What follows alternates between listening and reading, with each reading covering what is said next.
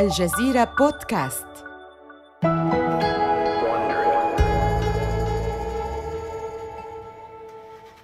إنه ديسمبر عام 1948 في مدينة سان برناردينو بولاية كاليفورنيا الأمريكية. تدخل سيارة واحدة موقف خدمة الزبائن المغطى بالثلوج أمام مطعم ماكدونالدز. يقرع السائق بوق سيارته وينتظر. يحدق الرجل في المطعم الثماني الشكل يمكنه رؤية العاملين من واجهة المطعم الزجاجية ولكن أحدا منهم لم يعره أي اهتمام. لماذا لا تأتي إحدى النادلات لأخذ طلبي؟ يقرع الرجل بوق سيارته مرة أخرى. لا يستجيب العاملون مجددا. هذا يكفي. يغادر الرجل سيارته ويخطو في الثلوج بصعوبة باتجاه المبنى.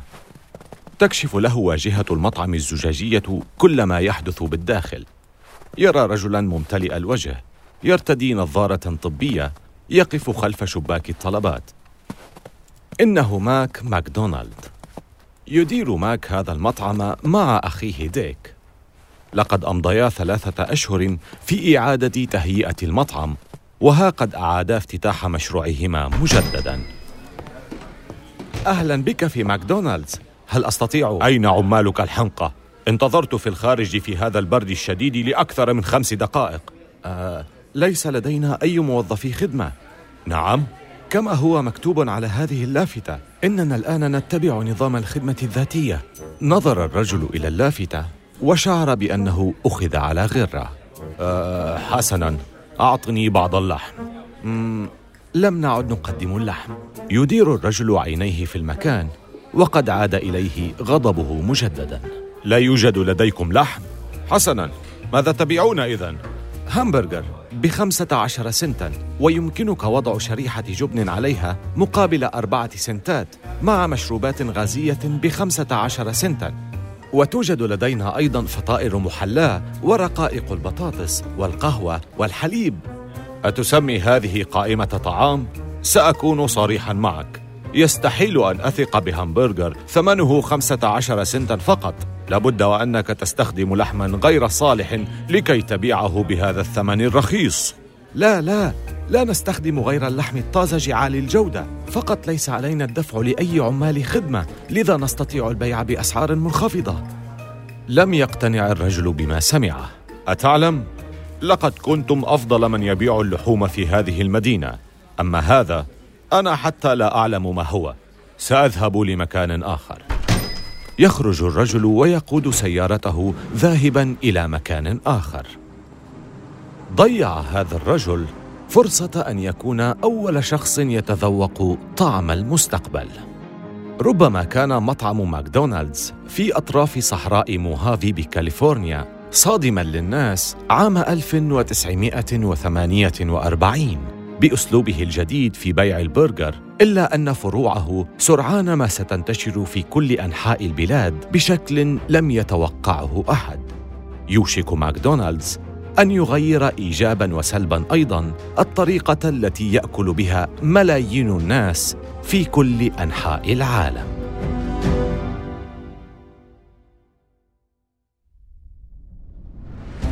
من الجزيرة بودكاست بالتعاون مع وونري. هذا بودكاست حروب الأعمال.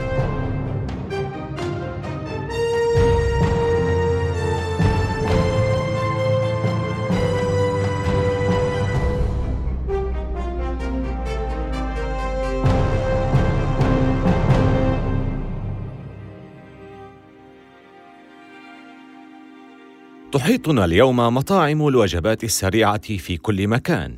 تجني هذه المطاعم دخلا يتجاوز نصف تريليون دولار سنويا على مستوى العالم وتطعم مئات الملايين من الناس يوميا.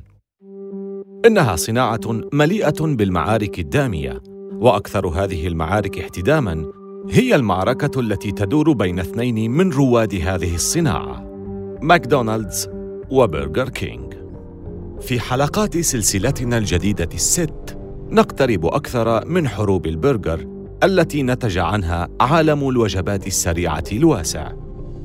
إنها حكاية مليئة بالإبداع والمال والسمنة.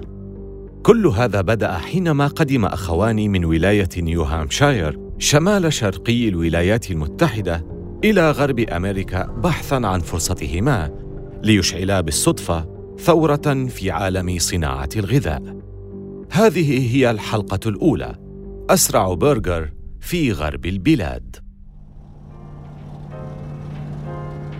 إنه مارس عام 1952 تقطع سيارة أحد شوارع مدينة سان برناردينو بولاية كاليفورنيا.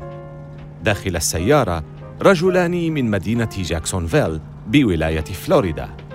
يقود السيارة رجل خمسيني يدعى ماثيو بيرنز، وإلى جواره زوج ابنته كيث كريمر. يمتلك كريمر مطعما لخدمة الزبائن من السيارة على شاطئ دايتونا وكان راغبا في المجيء إلى مدينة سان برناردينو منذ أشهر حيث قرأ في الخريف الماضي في مجلة Restaurant Magazine المهتمة بأخبار المطاعم عن مطعم برجر ذائع الصيت والآن سيتمكن من رؤيته بنفسه وبينما يقتربان من أحد التقاطعات يلمح كريمر لافتة ماكدونالدز الطويلة على اللافتة رسم كرتوني لطاه يظهر وجهه على هيئة خبز الهمبرجر الدائري. هذا هو، أوقف السيارة هناك. وبينما يدخلان موقف السيارات الخاصة بماكدونالدز، يشاهدان صفا من الناس خارج المبنى لا يصدق بيرنز عينيه. انظر لهؤلاء الناس، لا يقل عددهم عن مئة شخص. يلاحظ كريمر شيئا آخر. ليس هذا فحسب.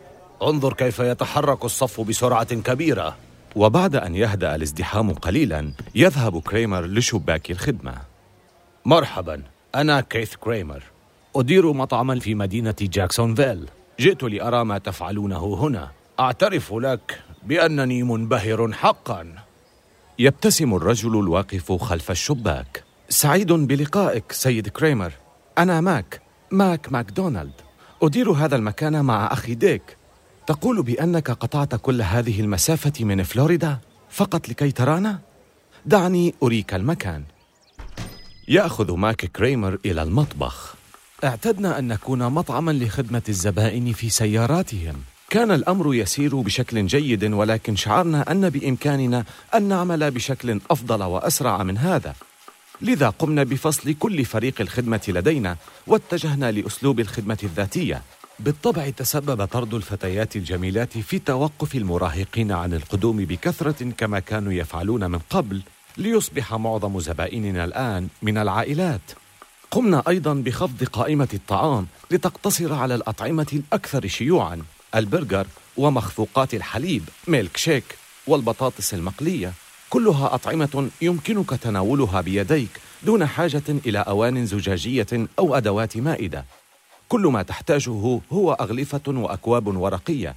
كما ساعد خفض قائمة الطعام في جعل الخدمة أسرع. يأخذ ماك كريمر ليريه شواية البرجر ويكمل حكاية قصته. كل واحد في هذا المطبخ لديه مهمته الخاصة.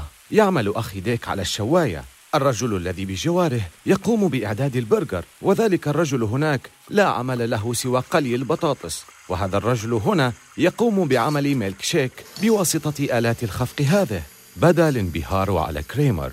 هذا المطبخ إنه يبدو كآلة كبيرة إنه خط إنتاج متكامل. هل يمكنني أن أسألك إن كنت تربح أكثر بهذه الطريقة؟ يحرك ماك يديه ببساطة. لا ضرر في إخبارك. في السابق كنا نحقق مبيعات بقيمة 200 ألف دولار في السنة. أما الآن فقد تخطت مبيعاتنا 300 ألف دولار في السنة كما أن التكاليف أصبحت ثلث ما كانت عليه. وبعد انتهاء الجولة يعود كريمر إلى بيرنز في السيارة الذي يترقب تعليقه عما رآه. حسناً كيف يبدو هذا المطعم؟ إنه أعظم مطعم همبرجر رأيته في حياتي. حين نعود إلى جاكسونفيل سأفتتح مطعما كهذا. ولكن قبل أن يعودا إلى ديارهما لدى كريمر وبيرنز موعد آخر. هذه المرة في منطقة هوليوود بلوس أنجلوس مع مخترع يدعى جورج ريد سمع كريمر أن ريد نجح بصنع شواية كهربائية يمكنها شي المئات من شرائح الهامبرجر خلال ساعة واحدة. وبعد ساعتين كان كريمر وبيرنز قد وصلا إلى ورشة ريد. تبدو الورشة فوضوية للغاية. تتناثر الأدوات على الأرض الخرسانية كما تملأ الملصقات الصفراء الحائط. وبالداخل توجد شواية غير عادية مصنوعة من الفولاذ المقاوم للصدأ تبدو متقنة الصنع. يبلغ عرض الشواية 90 سنتيمتراً. وارتفاعها نحو 80 سنتيمتراً وتوجد بها 12 مجموعة من أسلاك التسخين الكهربائية الرفيعة مثبتة على سير يتحرك من وإلى الشواية. يبدأ ريد بعرض آلته. هذا هو ابتكاري شواية برجر سريعة. إنها أفضل وأسرع شواية برجر في غرب أمريكا بل ربما في العالم. دعوني أريكما. يقوم ريد برفع الغطاء عن وحدتين من أسلاك التسخين الكهربائية هذه ويضع شريحتي برجر عليهما. ثم يقوم بوضع قطعتي خبز البرجر في فتحات خاصة أسفل وحدات التسخين. يدير ريد مفتاحين ثم يضغط زرا. يتحرك السير ويسحب معه شريحتي اللحم والخبز إلى داخل الشواية. يرى كريمر وبيرنز اللحم وهو يرتفع راسيا إلى داخل الماكينة. وبعد دقيقة واحدة يعود السير مرة أخرى حاملا قطعتي البرجر الدسمتين مطهوتين بشكل جيد ثم يوصل السير قطعتي البرجر إلى إناء خاص. يلتقط ريد الخبز المحمص ويضع فوقه شريحة البرجر. وها هو البرجر سريع التحضير. تفضلا. wow! لقد كان هذا سريعا فعلا وطعمه جيد أيضا. وسهلة الاستخدام أيضا. يمكن لأي شخص تحضير برجر طيب المذاق بهذه الآلة. وخلال رحلة العودة بدأ كريمر وبيرنز إعداد خطتهما. سيقومان بفتح مطعم للمأكولات السريعة على نفس طراز مطعم ماكدونالدز لكن باستخدام شواية البرجر السريعة التي صنعها ريد. وبهذا المزيج الرائع من المذاق والبساطة والسرعة فإنهما على ثقة من جني الكثير من الأموال. إنه أغسطس عام 1953 على شاطئ بوليفارد في مدينة جاكسونفيل يوشك عمال البناء على تجهيز مطعم كريمر الجديد. كان كريمر واقفا على جانب الطريق يتحدث مع مشرف العمال حين قاطعهما شاب في أواخر العشرينيات من عمره. عفوا من المسؤول هنا؟ أنا كيث كريمر. مرحبا أنا ديف إدجرتون. هل سيكون هذا المبنى مطعم ديري كوين للآيس كريم؟ كلا. أوه إنه يشبه متاجر ديري كوين كثيرا. كنت مهتما بذلك لأنني على وشك شراء توكيل ديري كوين في ميامي. نعم حسنا. هذه ليست ديري كوين إنه نوع جديد من مطاعم البرجر. سيكون اسمه انستا برجر مطعم من نوع جديد؟ يشرح كريمر رؤيته للمطعم الجديد. خدمة سريعة. قائمة طعام قصيرة بأسعار رخيصة. ولكن بالطبع هذه هي البداية فقط. فعندما يبدأ كريمر تشغيل مطعمه سيقوم ببيع حقوق علامته التجارية لأصحاب مطاعم في مدن أخرى. سيصبح هذا المطعم كبيرا جدا تضيء عينا إدجرتون عندما سمع بحقوق الامتياز. تبدو فكرة مطعم رائعة. ماذا تقول لو أني قررت شراء حقوق امتياز مطعم إنستا برجر بدلا من ديري كوين؟ لم يتوقع كريمر أن يقوم ببيع امتياز الاسم بهذه السرعة ولكنه لن يضيع الفرصة. بالتأكيد. دعنا نناقش الأمر. عظيم جدا. ولكن هل لي أن أقدم اقتراحا أولا؟ بالطبع. يجب عليك تسميته إنستا برجر كينج. سيصبح ملفتا أكثر. إنه إبريل عام 1954 ديفيد إدجرتون رجل مندفع. ولكنه يرجو أن يكون قد أخذ القرار الصحيح. لقد غير اتجاهه من الآيس كريم إلى البرجر في لحظة وبدأ فوراً العمل على خطة المطعم الجديد. مر قرابة شهر منذ أن افتتح إدجرتون مطعمه الجديد قرب مطار ميامي وهو الآن في انتظار زائر مهم. إنه مالك أحد مطاعم اللحوم المحلية يدعى جيم ماكلومور. يريد إدجرتون أن يبيع ماكلومور مطعمه ويصبح شريكه في مطعم البرجر الجديد. بعد الساعة السادسة مساء بقليل يدخل ماكلومور مطعم إنستا برجر كينج. كان المطعم هادئا في ذلك الوقت ينعكس ضوء المصابيح العلوية على رأس ماكلومور الأصلع يسرع إدجرتون لتحيته. جيم شكرا لقدومك. اجلس من فضلك. سأحضر لك بعض الطعام. وبعد دقيقة يحضر إدجرتون صينية عليها همبرجر مع بطاطس مقلية وميلك شيك الفانيليا. وبينما يأكل ماكلومور الهامبرجر ويأخذ رشفة من الميلك شيك يبدأ إدجرتون الحديث عن عرضه. لقد حصلت على حقوق امتياز إنستا برجر كينج في ميامي كلها. وضعت كل أموالي في هذا المكان. لكني أريد للمطعم أن ينتشر في المدينة بأكملها. كلما فتحنا فروعا أكثر ازداد حجم عملنا. ولهذا السبب أريدك أن تستثمر معي في هذا المشروع. وفي المقابل سأعطيك نصف الشركة. أعجب ماكلومور بالفكرة لطالما تمنى أن يدير سلسلة مطاعم. أنا مهتم وبالمناسبة هذا البرجر رائع. ولكن أيمكنني الاطلاع على الحسابات؟ هل لديك كشف حساب للمطعم؟ يبدو الارتباك على إيجرتون. آه ليس بعد. كل الإيصالات والشيكات موجودة في مكتبي ولكننا بالتأكيد نحقق أرباحا. قد تصل في تقديري إلى حوالي 28% مذهل ولكن أريد حسابات محددة. خذ الأوراق وأعطها لمحاسبي. سيتولى أمر الحسابات. بعد ذلك سيمكنني اتخاذ القرار المناسب. وبعد بضعة أسابيع عاد ماكلومور. اطلع محاسبه على الإيصالات والفواتير وأخبره بنتيجة دراسته. حسنا هل تعرف يا ديف أنت لا تحقق أرباحا على الإطلاق؟ في الواقع أنت تخسر الكثير من الأموال. يطرق إيجرتون. أظن إذا أنك لن تستثمر معي. في الحقيقة سأستثمر. لقد افتتحت مطعمك منذ شهرين فقط وأنا مؤمن بهذه الفكرة. بالإضافة لذلك فإنني جيد مع الأرقام ويبدو أنك في حاجة للمساعدة في هذا المجال.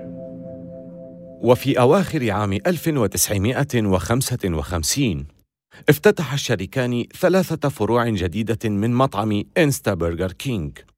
ولكن الأمور ليست على ما يرام فالفروع الأربعة لا تزال تخسر الكثير من المال.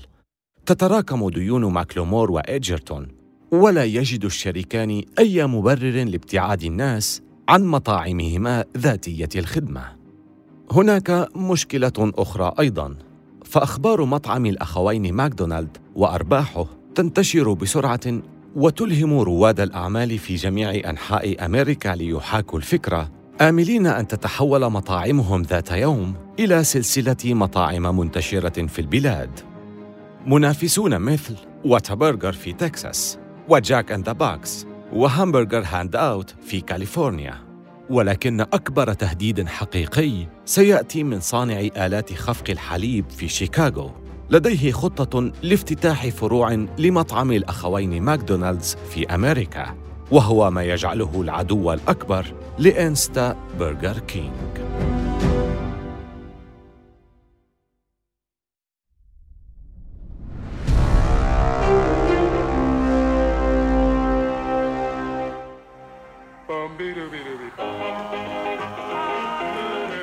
إنه يوليو عام 1954 في موقف سيارات ماكدونالدز في مدينة سان برناردينو. تجلس امرأة ذات شعر أشقر يميل للحمرة في سيارتها الفورد كريست لاين الصفراء ذات السقف المفتوح. تفتح شطيرة البرجر وتأكل قضمة صغيرة. تتذوق اللحم الدسم مع الكاتشب والخردل والمخلل الحامض المذاق ثم ترتشف رشفة من الميلك شيك. وفجأة يحجب ظل أشعة الشمس تلتفت المرأة لتجد رجلا في الخمسين من عمره مهندم الثياب وشعره ممشط بعناية. آسف لإزعاجك سيدتي. اسمي راي كراك. أقوم باستطلاع رأي زبائن المطعم. هل يمكنني أن أسألك كم مرة تأتين إلى هنا؟ تنظر المرأة إلى كراك بحذر. استطلاع رأي؟ نعم صحيح. يا له من شخص مريب. عندما أكون في المدينة وهذا يحدث كثيرا لأن صديقي الحميم يعيش هنا. تجاهل كراك تلميح الفتاة لصديقها في محاولتها للتخلص منه وأكمل. ولماذا تأكلين هنا؟ الهامبرجر إنه الأفضل على الإطلاق. أي سبب آخر؟ الخدمة سريعة. وهذا أمر جيد جدا لأنني في عجلة من أمري. أها شكرا لوقتك سيدتي. لم يكن كراك يغازل الفتاة ولم يكن يقوم باستطلاع رأي كذلك. في الواقع إنه بائع ماكينات ميلك شيك في شيكاغو يتصل به ملاك المطاعم بكثرة هذه الأيام لشراء آلاته لأنها نفس الآلات التي يستخدمها الأخوان ماكدونالد. دفع الفضول كراك إلى أن يتحقق من دفتر مبيعاته ليكتشف أن الأخوين ماكدونالد قاما مؤخرا بشراء ثمان ماكينات. هذا عدد كبير بالنسبة لمطعم واحد. ولهذا جاء كراك لكاليفورنيا ليعرف سبب شرائهما هذا العدد الكبير. ويأمل أن يساعده في زيادة مبيعات ماكينة خفق الحليب التي ينتجها.